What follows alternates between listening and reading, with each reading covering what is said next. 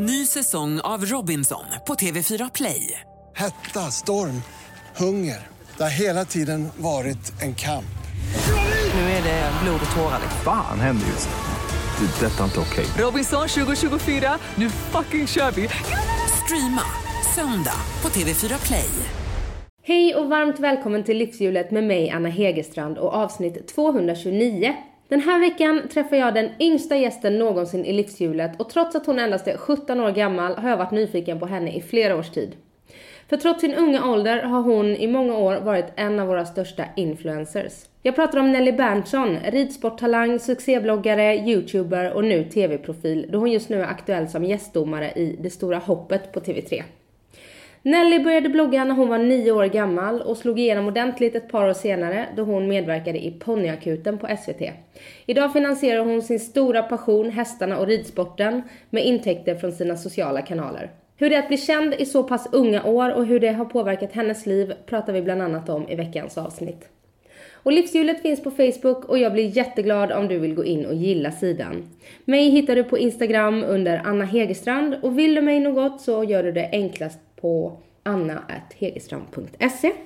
Livshjulet distribueras av Acast och klipps av Kim Versén. Men nu kör vi igång Nelly Berntsson, varsågod.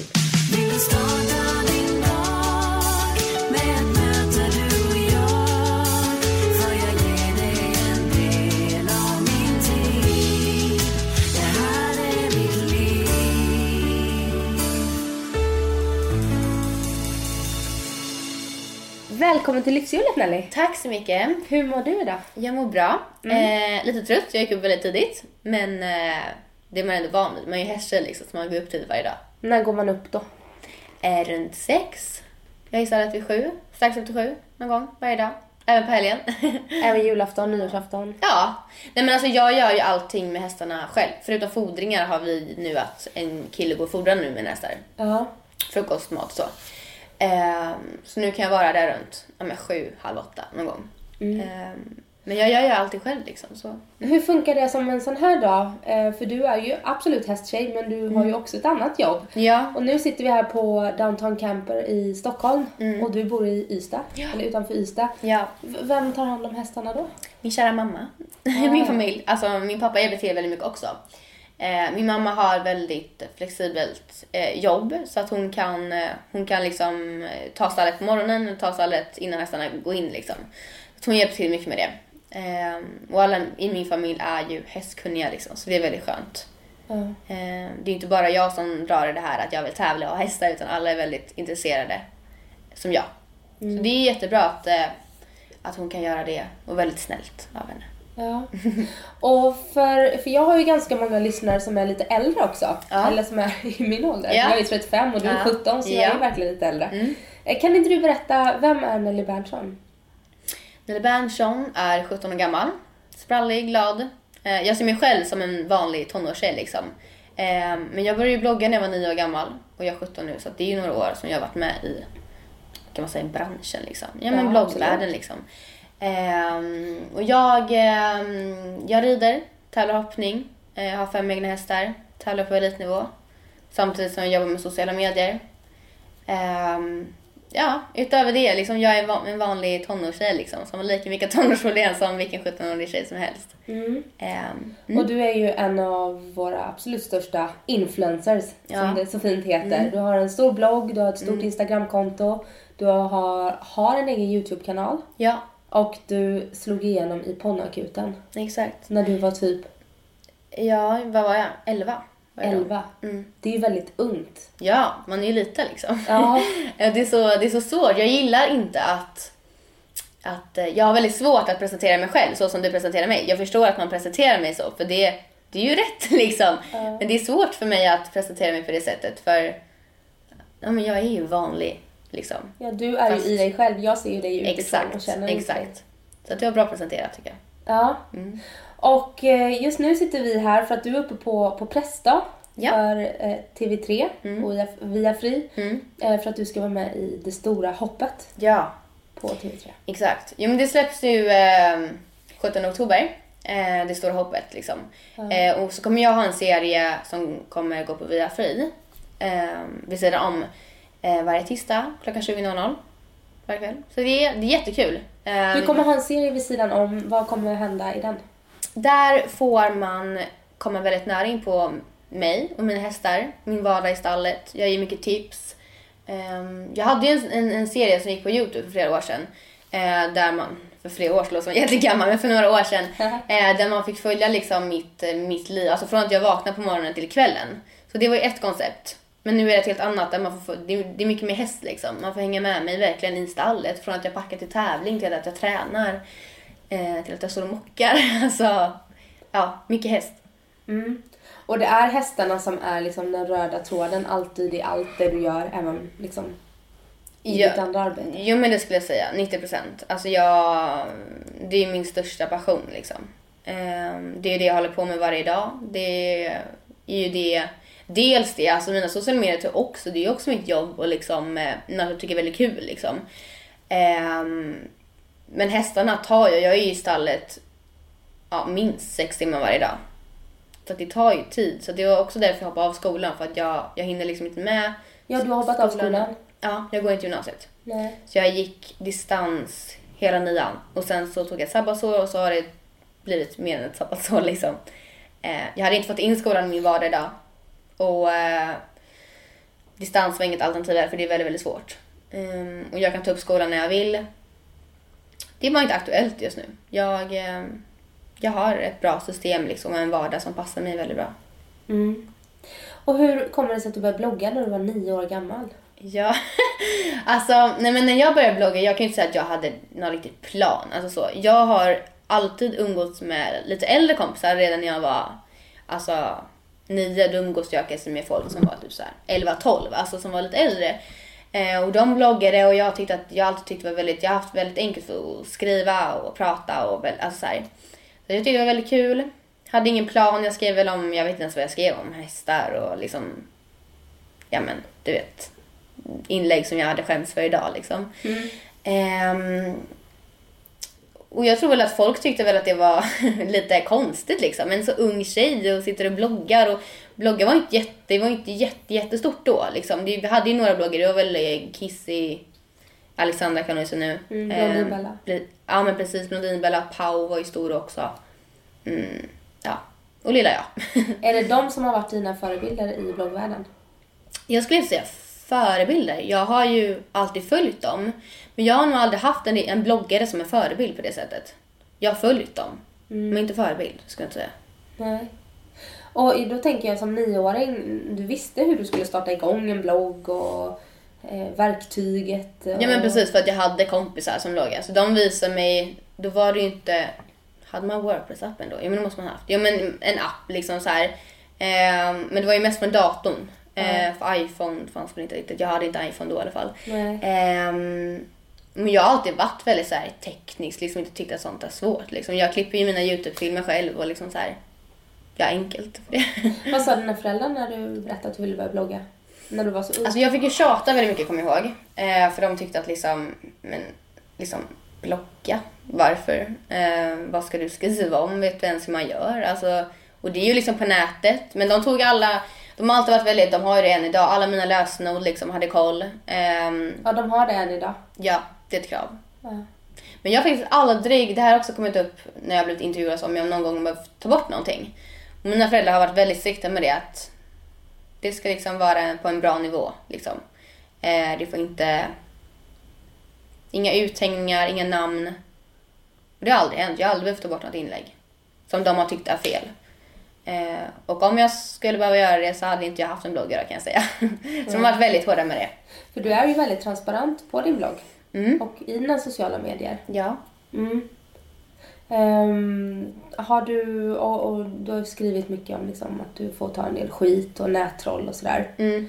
Eh, vad, hur tror du det har påverkat dig att bli offentlig och stor i så redan unga år? För jag, vad jag förstår, innan du var med i Ponnyakuten på SVT så hade du 50 000 läsare på din blogg. Mm. Hur, hur, hur fick du dem Ja, men det, med? och det undrar jag också lite också. För att det, det har gått väldigt fort. Liksom. Väldigt fort. Ja, hur Eh, hittar man det? Liksom en nioårig tjej? nej men jag tror väl att det är det som var grejen. Det fanns ju ingen i den åldern eller ens några, några få år äldre. Liksom. Utan det var ju bara jag. Och på den tiden så fick jag ju väldigt mycket skit av mina föräldrar också. Vuxna som tyckte att det var oansvarigt, heter det? Oansvar? Ja. ja. Ehm, som tyckte det var lite konstigt och att jag, eh, att det var, nej men det var, det var konstigt liksom. Ja. Ehm, och, ehm, och idag, nu har jag varit inne i det så länge och många, alltså jag är ganska neutral liksom. Jag är en vanlig tjej, försöker jag liksom förklara mina medier ganska ofta. Men mer att jag lägger det på den nivån att jag vill, jag har ingen nisch med att jag är en modebloggare eller jag är en hästbloggare, utan jag är en lifestyle-blogger skulle jag säga. Ehm, jag skriver om allting, om tonårsproblem, lite som i min bok Jag är Nelly. Det är liksom, allt handlar om mig och mitt liv. Um, ganska enkelt skulle jag säga. Ja. Men menar, du är 17 år och har redan eh, en stor blogg, stort offentligt namn, är med på TV, släppt två böcker. För du har släppt en hästbok också va? Ja. Ja. Eh, eh, du har gjort väldigt, väldigt mycket. Hur tror du eh, att, att du har påverkats av det? Vad finns det för för och för nackdelar? Alltså fördelar skulle jag säga att man får ju... Om man jämför med en annan 17-åring så kanske jag får vara med om mycket mer. Um, och då menar jag inte mer i livet. En annan kan ju jag... Det finns väl säkert saker som en annan har gjort som inte jag har gjort. Men då menar jag mer som att sitta här. Kanske som att... eh, ja men bli så inbjuden på events och så här. Ja men så här... Sådana saker. Lite glam, glam liksom. Ehm, men sen så finns det också väldigt mycket nackdelar också. Och det är väl att man får, att, att man känner att man har tusen ögon på sig hela tiden. Att man inte riktigt kanske vågar göra något misstag för att då, då syns det väldigt lätt liksom. Och det, man är ju en, som jag är ju väldigt ung och jag var ung redan då. Så det var väldigt svårt att liksom, att tänka på det hela tiden. Eh, för du kan göra misstag, jag kan göra misstag, alla kan göra misstag. Man ska kunna göra misstag för att kunna utvecklas som person. Eh, Särskilt när man är tonåring. Ja men precis, då måste man ju få göra det annars så står man ju still. Ehm, och att jag tror att jag är lite förstörd på det sättet att jag är egentligen inte en så här känslokall person. Men jag tror att jag blivit det väldigt mycket. Om jag får en elak kommentar att jag är ful, då gör liksom inte det mig någonting. Medan en annan kanske är det har förstört hela personens dag. Ehm, så jag har nog blivit väldigt så lite kall typ. Lite förstörd på det sättet. Känner Men sen fördelar igen att, att man såklart har den här lilla makten att kunna nå ut till folk, både som vuxna och unga. För det är det som är mitt mål. Jag vill ju att när folk går in på min blogg eller går in på vilken av mina sociala som helst, att de ska känna sig starka, motiverade, glada. Hur håller man fötterna på jorden när man har så mycket runt omkring sig och man får vara med överallt och få grejer hemskickade till sig och tjäna pengar och jag kan tänka mig att det är mycket folk som vill vara runt dig. Mm, det men absolut. Det, det är väl glamsidan liksom. Ehm, och jag tror att eftersom att jag har haft hästarna och min sport, alltså ridsporten som tar 90% av min tid, så jag har kunnat tänka bort det ganska mycket. Eh, Jag har ett jätteansvar att ta hand om fem hästar som jag bekostar helt själv och har gjort länge. Ehm, och det är planeringar där och det är träningar och det är tävlingar och jag är väldigt seriös med det. Ehm, så då, det har liksom varit min punkt att kunna koppla bort allting med sociala medier, vad allt det innebär liksom med kommentarer och att man ska helst synas överallt och som du säger, man får hemskickade grejer och mm, man är aktuell lite här och var och ja, det är ganska skönt att jag haft det och kunnat koppla bort. Och bara vara mig själv typ. Så om du fick välja på hästarna och det andra jobbet med, som influencer så är det hästarna som går först. Mm, det skulle jag säga. Sen tycker jag det är jätteskönt att jag kan kombinera Eh, det. För att jag tror att när, när det kommer till hästarna så kan man nog bli ganska instängd och ganska inrutad så. För att jag blir väldigt så när det kommer till planering och träning och tävlingar så blir jag väldigt så fokuserad, nästan lite tråkig. Alltså, och sociala medier har ju hjälpt mig väldigt mycket att bli en, eh, en social person liksom. Kunna prata ordentligt. Ehm, och eftersom att jag inte går i skolan så är ju det väldigt viktigt med det här med sociala, att hålla kvar det liksom. Ja. Men Du har berättat att du har bytt skola tre gånger och haft lite svårt med kompisar. mm. Hur, eh, hur är det idag med ditt umgänge? Ehm, jag skulle väl säga att jag har växt ganska mycket i mig själv. Så att jag har hittat, liksom, jag har, säger inte att jag har hundra alltså, kompisar, jag har ett gäng tjejer som jag umgås med liksom. Men jag har några stycken som jag tycker väldigt mycket om, som jag hänger med. Sen har man sin krets när det kommer till ridsporten och så har man sina privatkompisar liksom. Som inte håller på med häst. Ehm, så jag skulle säga att det är bättre. Men eh, sen tror jag att jag har aldrig varit den personen som varit så här beroende av kompisar heller. Det är väl egentligen det som varit lite problemet. Jag har varit ganska så egen. Eh, också tror jag att jag är väl den personen som glöms bort även idag för att jag tackar väldigt mycket nej till typ sånt här. och till när det kommer till att bara umgås med kompisar för att jag har kanske en träning, att jag ska tävla eller att rida fem hästar varje dag tar liksom sex timmar och då är hela den dagen gått och så har jag liksom jobb efter det. Och då prioriterar jag hellre det. Så det är nog lite mitt egna fel också men samtidigt också av andra anledningar då som jag till exempel har skrivit i min bok att eh, ja, men jag har haft det svårt i skolan på grund av andra anledningar. Eh, folk som har varit lite taskiga, avundsjuka och Ja, har du upplevt mycket avundsjuka på grund av det du har uppnått? Ja, men jag tror folk har svårt att, eftersom att jag har alltid varit väldigt ung och är det fortfarande, så det har varit lite svårt att acceptera. Ehm, och också det här med att folk har nog svårt att, ena dagen sitter jag i skolbänken och sen så är jag inte i skolan för jag tävlar och sen så sitter jag på TV4 Nyhetsmorgon och pratar om min aktuella bok som ska släppas. Alltså det, det är nog svårt för folk att liksom så bara tycka att det är kul liksom. För, mig, för min skull. Man har svårt att unna dig det. Ja, men precis. Ehm, det är väl kanske många som har velat slippa skolan och sitta och, i Stockholm och göra något så här kul liksom. Men det är ju kanske en gång i månaden jag gör det. Det är ingenting jag gör varje dag. Nej. Och sen flyttade du och din familj från Lysekil. Mm. Där du bodde. Är du född i Lysekil? Nej, jag är född i Göteborg kan jag säga. Ja. Jag är från Göteborg. Ja. så eh, nej, Lysekil, eh, vi bodde ju på Tjörn i flera år och sen så bodde vi i Lysekil i två år. Och sen flyttade vi till Skåne. Ja. Till en gård utanför Ystad. Eh, ja, alltså vi bor ju i en, eh, i en villa i Abbekås. Ja. Eh, och så har vi hästarna i Ystad-trakterna.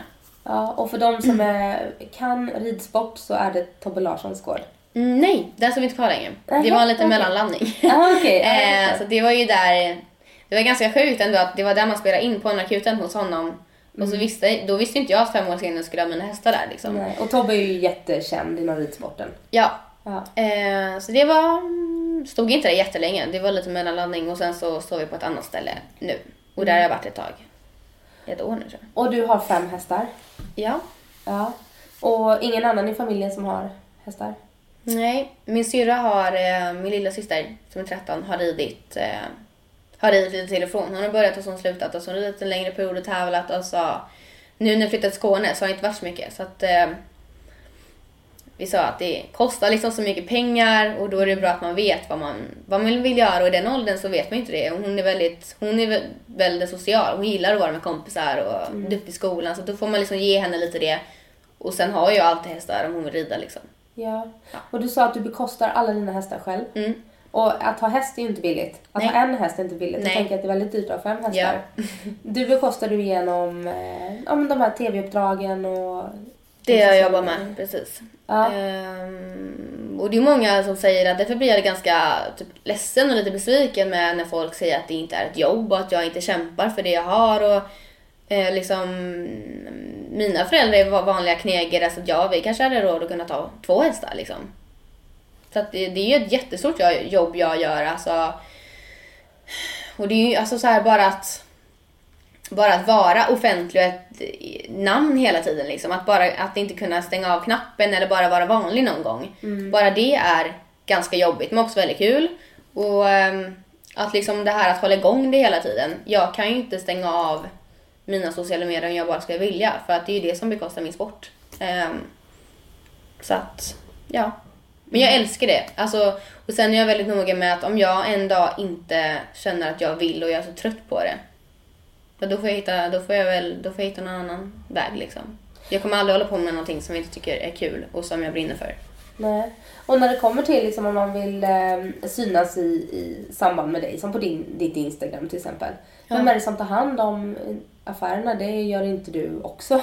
Nej, alltså jag är ju inte 18 så det kan jag ju inte göra. Eh, utan min pappa är väldigt... Eh, alltså jag får ju samarbeten ibland som kommer till min, alltså som kontaktar mig. Alltså som jag, som, som jag för över till min pappa liksom. Och sen så har jag ju alltså United Screen som har hand om min YouTube.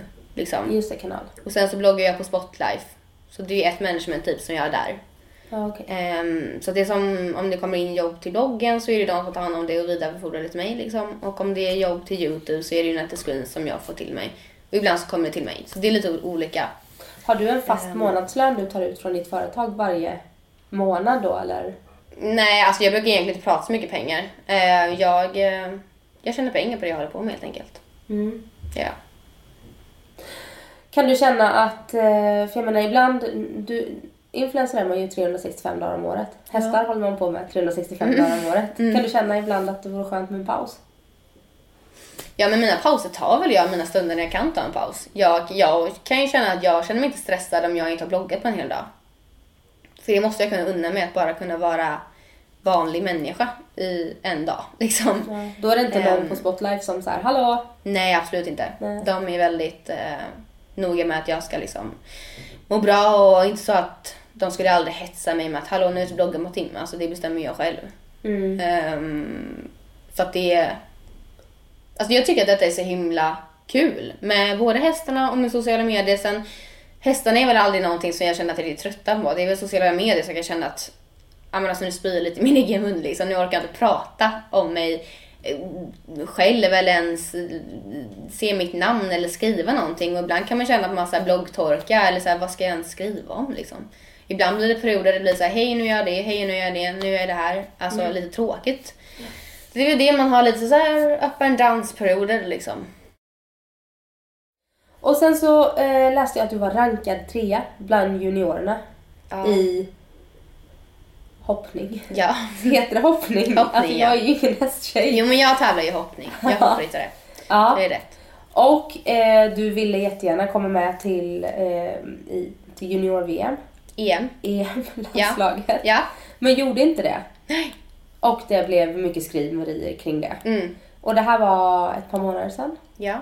ungefär. Hur känns det kring dig idag? Alltså idag känns det ju väldigt, alltså det, det känns gammalt nu. Ja. Eh, jag har... eh, Alltså det var en väldigt intensiv period. Det var, jag blev väldigt besviken, jag blev ledsen, jag var förbannad. Och vi kan säga till lyssnarna då att du, du är ju väldigt duktig och en lovande liksom, eh, men jag hade all rätt att få vara med i, i landslaget för att jag låg som rankad nummer tre. ja. Jag har gjort alla resultaten som ska göras. Ehm, Men varit med vi- på alla tävlingar som skulle göras och slutfört. Och det har jag gjort väldigt, väldigt bra. Och det är fem stycken som får vara med. i ett- Alltså som får åka till EM. Mm. Fyra stycken i ett lag. Ehm, Och du fick inte vara med för att de in, tyckte inte det var bra att du var offentlig. Var ja, att, ja, men de tyckte att det var lite jobbigt att jag var offentlig. Och att de tycker att jag ser i de sammanhangen, som rubrikerna skrev och som han har uttalat sig, att jag ser för sur ut. Jaha, Ehm. det, för det har inte jag läst. Jo, det står, eller det, det står lite överallt. Att jag ser lite för sur ut, att jag är väldigt, alltså det, det, det var väldigt mycket prat om det här med laganda. Ja. Eh, vilket jag förstår och det ska man ha. Eh, men det, det var väl, alltså det, vi, vi kommer inte riktigt överens där. Utan jag menar på att alltså man ska prestera, man ska koncentrera sig. Det är ju det man behöver tänka på liksom. Och jag har ju väldigt mycket folk som är där och tittar. Både på framhoppning, till framridning, till när jag tävlar. Vad innebär framhoppning och framridning? Alltså man värmer upp inför Okej. sin start. Okej. Ehm, och detta var alltså aktuellt i Falsterbo då, där detta kom upp då. Där jag fick veta att jag inte skulle bli uttagen till EM på grund av de här orsa- orsakerna då. Att dels att jag var offentlig och för att de tycker att jag ser lite för sur ut. Och då menar jag på att alltså, om man ska gå och kolla på folks ansiktsuttryck liksom. Det går ju inte för att jag är där för att prestera. Det är det de säger själv. Och jag är koncentrerad. Det måste jag kunna få göra för att kunna prestera liksom. Och sen är jag glad efter det liksom. Ja, Ehm, det känns ju som lite diskriminering att man blir diskad på grund av hur man ser ut. En Ja. del har mungipor som pekar neråt, en del har mungipor som pekar upp. Ja men eller hur. Så det var det var egentligen de, de största anledningarna. Eh, så det var, det var väldigt, väldigt tråkigt att bli nedputtad på, på, på grund av en sån grej. Liksom, jag inte hade haft resultat eller att jag hade eh, gjort något som var opassande. Då hade jag förstått det men Jag har följt alla regler. Ja, och jag vet att du vill ha tävlat i EM innan du fyller 18. Mm. Och du sa det att ja, men om det inte går det här året så har jag nästa år på mig. Ja. Hur tänker du att du ska kunna påverka det till nästa år då?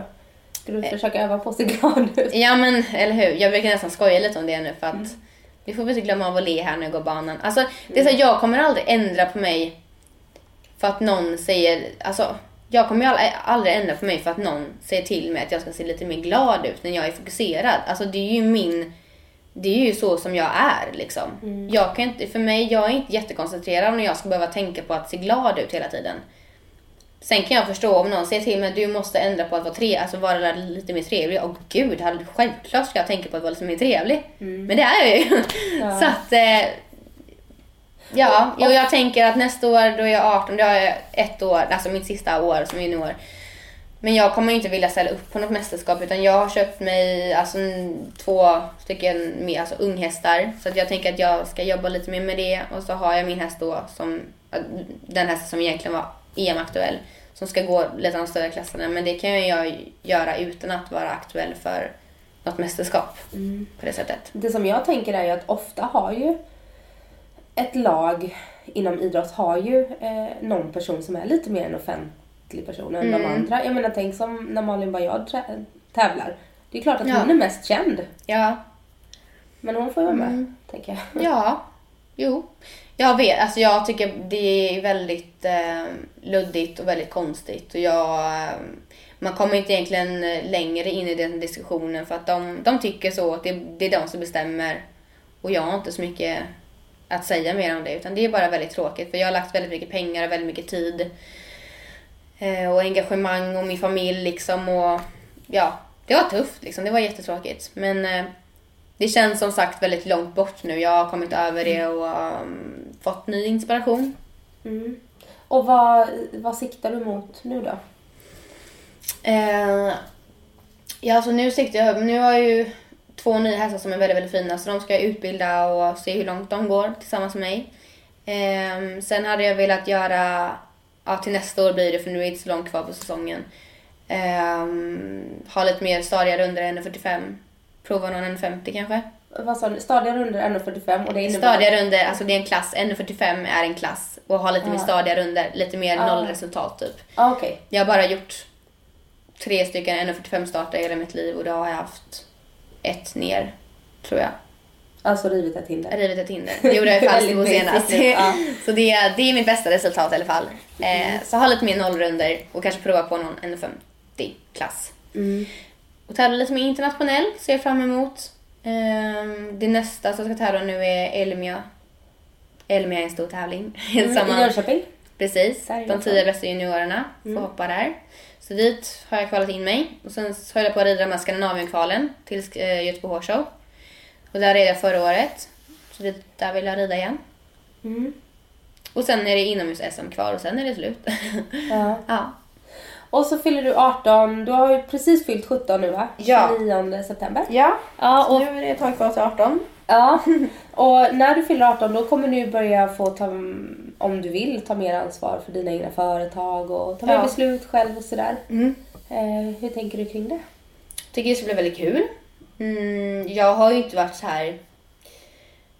Alltså jätte, eller inte behövt heller vara så insatt med liksom företag och liksom så här utan Eftersom jag inte är 18. Men nu, det är väl nu man får ändå börja kolla lite och sätta sig in liksom, för jag vill ju ha hand om det själv. Och jag tycker ju sånt är kul. Mm. Så det ska bara bli spännande och jag tror att man kan känna sig säkert lite mer vuxen när man tar hand om det själv. Kommer du fortsätta bo kvar i Skåne tror du?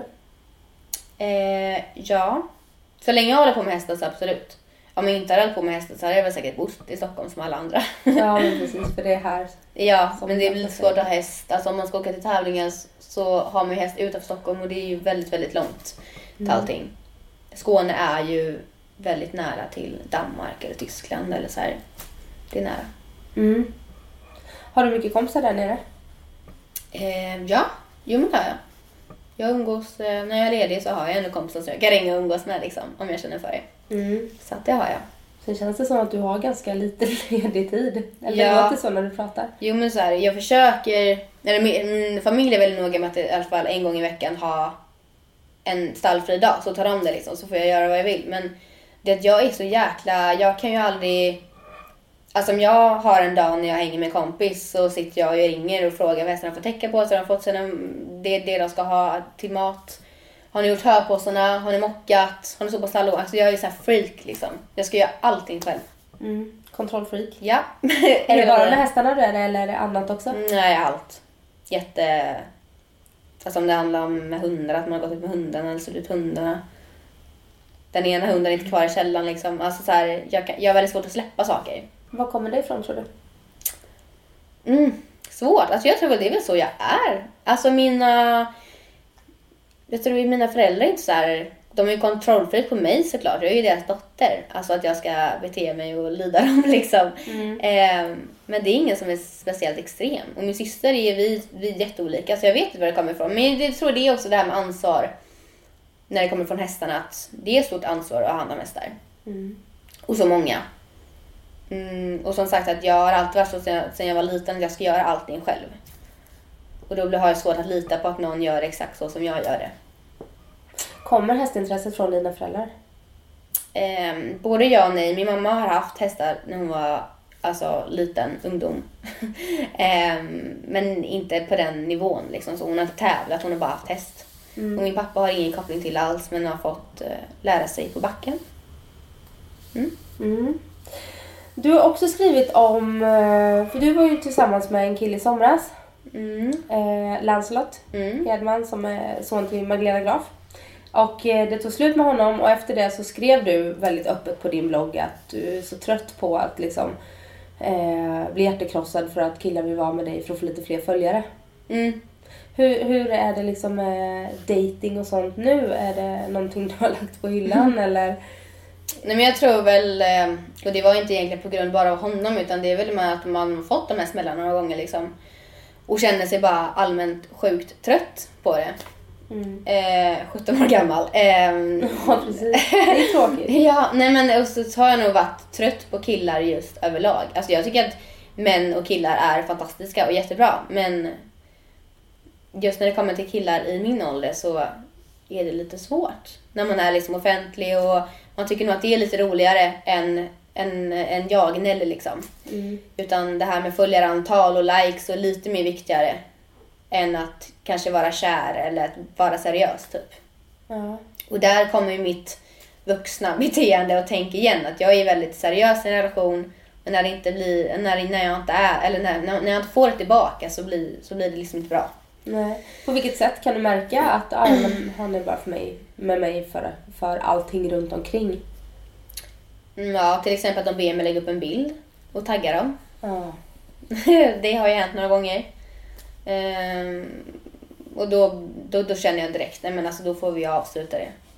Eh, och sen kan jag vara lite så tunnelseende, vara lite blind och tänka att ja men herregud, de vill väl bara så här lägga upp en bild, är väl ingen fara. Då tänker jag inte på att jag har lite mer än 300 000 följare. Men, ehm, och sen kan jag tycka att gentemot att visst, jag kan lägga ut bilder för jag är väldigt sån att när jag blir kär så vill jag gärna visa om världen vem min kille är. Liksom, jag är inte sån som sitter och är tyst om det eller sitter och så här. Men då kan jag tycka att det är lite respekt att om man har typ 200 följare från början Ja. så kan man ha det samtidigt som är tillsammans med mig. Då behöver man inte öppna sitt konto och ha sen 20k. Nej. Ehm, för då tycker jag att vad är viktigast, vår relation eller följare? Och då väljer de följare och då tycker jag att, vad, ja, tråkigt liksom. Ja. Men är det många som, eh, får du mycket liksom, uppvaktning? Uppvaktning. Ja men så här på Instagram och... Jo men absolut, det är väldigt många som skriver, både killar och tjejer. Ehm, men när det kommer till killar så är jag inte så intresserad, som är ärlig. Och för att jag har haft en period där jag är sjukt trött på killar överlag. Mm. Och när det kommer till näthat och såna, såna grejer, Ja. är du hårt utsatt för det eller har du blivit skonad? Mm, alltså det har gått lite i perioder skulle jag säga. I vissa perioder kan det vara fruktansvärt mycket. Typ när folk har sommarlov och typ så här, när man sitter och scrollar på telefonen och folk de har är jätterastlösa. Ja men då kan nog folk sitta och granska bilder och bara hitta någonting som man kan hacka på. Och ibland så kan det vara en jättebra period och man får väldigt mycket kärlek och så. Ehm, men nu, alltså de senaste åren har det varit ganska lugnt. Alltså jag tror, jag tror att jag kan få en elak kommentar säkert varje dag. Antingen på bloggen eller på Instagram. Men för mig är inte det mycket. Nej. Men för folk utifrån kan ju, som aldrig kanske får en och så får de en, då är det, oh gud. Vilket jag förstår för man ska inte acceptera elaka kommentarer. Det är ju sjukt. liksom. Har du anmält någon eller så? Ja, vi har polisanmält några ärenden faktiskt. Men det har, mer, det har inte varit så mycket kommentarer. Alltså, om det är en person som trakasserar länge, då, men det läggs ju oftast ner. Eh, vilket är ganska tråkigt. Men sen har det varit mycket mer i skolan och saker som har hänt liksom, fysiskt. Liksom. Och det har man kunnat polisanmäla och tagit upp. Liksom. Men eh, inte kommentarer på det sättet. Vadå ren mobbing då eller? Ja, och sen folk som har eh, retuscherat bilder till väldigt dumma bilder. Där det inte är jag på, men det är mitt face på liksom. Eh, så det har man kunnat anmäla. Och det har gått igenom och blivit... Ja, det har, nej men inte till att man har fått en dom liksom, men att man har, alltså att man suttit på förhör och så här. Jag kan tänka att den, den som gör så blir ganska nervös när det går till ens så långt. Ja, fast bo, alltså, både och. Man har varit med så mycket nu så att det, man har fått möta det ena och det andra. Alltså, det, och där tycker jag att alltså, det handlar väldigt mycket om så här, uppfostran och föräldrar. För att ibland har man mött föräldrar som blir förbannade och tycker att, att när, det ens, är- när det är liksom föräldrarnas barn som betett sig fruktansvärt och man har det på pappret liksom att så här är det. Och så får man bara en jävligt tråkig attityd och liksom bara jättekonstigt beteende. Till att man har fått väldigt bra föräldrar till sig som har tagit tag i det till att eh, varit jätte liksom frånvarande. Så det var, man har fått möta alla typer av föräldrar. Förstår. Och ungdomar såklart. Ja. Eh, hur, vad tänker du om utseende och hela den biten? Det är ju en stor del i eh, sociala medier. Mm. Vad har du för relation till ditt eget utseende? Eh, jag delar nog mycket med mig om mitt utseende. Jag tar mycket bilder, publicerar upp lite överallt. Ehm, och jag... ehm, ja men, ja vad, vad, vad ska man säga liksom? Det, det är ju lite så hetsigt på... Det har ju varit mycket snack om så här, jag vet att mycket så här mediaprofiler som har velat ändra hela sin nisch med att så här, det ska inte vara så retuscherat och filter och typ så här. Ehm, och vissa vill ha de här väldigt fina bilderna som bara är tagna med kamera. Och sen finns det typ sådana som jag som mest har med iPhone. Ehm, så att eh, det är ju det folk följer. De följer ju text och bilder. Ja. Känns det viktigt med utseende för dig? Nej, det skulle jag inte säga. Ehm, men sen har ju jag det här, jag får ju varje dag väldigt snälla kommentarer att jag är så vacker, att jag är så snygg och folk har velat se ut som mig. Och, och det är ju jättesvårt att så här, typ ta in. Då svarar jag oftast bara tack. Ja men tack vad snäll du är. Det är ju en komplimang. Men det är inte så att jag går runt och tänker varje gång, gud vad jag ser bra ut bara för att jag får 20 kommentarer om det. Utan jag har inte riktigt tid att tänka på mitt utseende. om jag säger så. Utan jag delar gärna med mig av bilder och liksom så. Men alltså jag kan också lägga ut en bild där jag är osminkad och ser för jävligt ut. Det bryr inte jag mig om. Nej. Det känns verkligen som att det här eh, hästbiten i dig och att inte vara rädd att få skit under naglarna är en väldigt bra kontrast till det andra. Det är verkligen två helt olika världar. Absolut. Och det är det jag fått höra ganska mycket, vilket jag tar väldigt positivt till mig. Är att folk tycker att jag verkar väldigt så här eh, jordnära med det. Både som person men också när det kommer till bilder och så. Att jag behöver inte alltid sitta fullmakead. Och det är inget fel med det. Det är ju folk som trivs med det liksom och bara lägger ut med det. Och det är ju en sak. Och sen finns det... Jag tycker liksom inte att jag behöver sitta eller typ sätta på mig mascara och lite rouge för att jag ska lägga ut en bild på Instagram. Utan jag trivs lika mycket om jag lägger ut och är helt osminkad med ritkläder eller sitter i mjukisdress eller vad som helst. Har du någon strategi för Instagram? Att si så många bilder ska jag lägga upp varje dag på den tidpunkten? Jag vet att en del har så här att var fjärde ska vara en matbild. Ja, men nej, det har jag faktiskt inte. Jag, vilket jag önskar för att jag tycker att det... Jag följer ju själv kontot för jag tycker att det ser väldigt snyggt ut. ja, det blir ett snyggt flöde. Ja, men precis. Ehm, och jag är ju verkligen inte sån. Om man ser på mitt flöde nu så tror jag kanske har två filmer och sen en bild och så sen en hästbild och sen en selfie. Alltså det ser lite så ostrukturerat ut, vilket jag inte tycker är så snyggt. Men jag orkar inte tänka på sånt. alltså jag har ju aldrig orkat såhär, okej nu har jag lagt ut en bild, nu ska jag lägga ut en matbild och sen ska jag lägga ut en selfie och sen ska jag få en blomma. Alltså så här. jag har inte orkat det alltså. Jag delar med mig lite om vad som helst. Jag kan inte ta kort på pannkakor, jag tycker att det är jättekul liksom. Så det är lite olika. Och om man vill följa dig så ska man gå in och följa Gonzanelli. Var kommer det ifrån? Ja, alltså jag har ju haft lite alltså många namn för att mina Instagramkonton har ju blivit hackade några gånger. Så att ett tag hette jag Nelly Berntsson, vilket jag hade velat heta. Men sen blev ju det, så är blev ju det typ borttaget eller någonting så det har jag inte kunnat ta. Och sen så har jag haft mycket folk som har haft mitt riktiga efternamn så har det blivit upptaget. Så att jag heter ju Nelly Berntsson Gonzales. Ja. Ehm, men Gonzales brukar vi inte, har vi inte använt så mycket innan, det har bara- varit Nelly Berntsson. Men så har jag nu tyckt det lite äldre dagar att Gonzales är väldigt fint. Ja, det är jättefint. Ehm, så då blev det, så har jag blivit kallad Gonzi eller Gonza innan på grund av Gonzales. Då blev det Gonza Nelly. Ja, okej. Ehm, Så G-O-N-Z-A. ja, exakt. Mm. Och det är efter din pappa som heter Antonio. Antonio, precis. Han är f- född i Sverige men eh, min farfar är spansk. Ja, okej. Mm. Så in och följ där och titta på Stora hoppet. Yes, 17 oktober var det premiär. exakt. Ja. Tack snälla Nelly för att du kom och gästade Livshjulet. Tack själv, jättekul. Lycka till med allt nu. Tack, tack. Hej då! Hej då.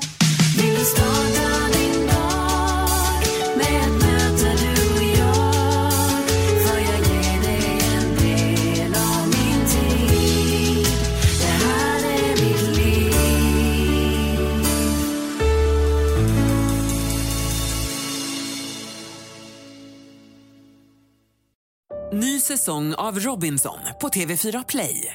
Hetta, storm, hunger. Det har hela tiden varit en kamp. Nu är det blod och tårar. Fan händer just nu. Det. är Detta är inte okej. Robinson 2024, nu fucking kör vi! Streama söndag på TV4 Play.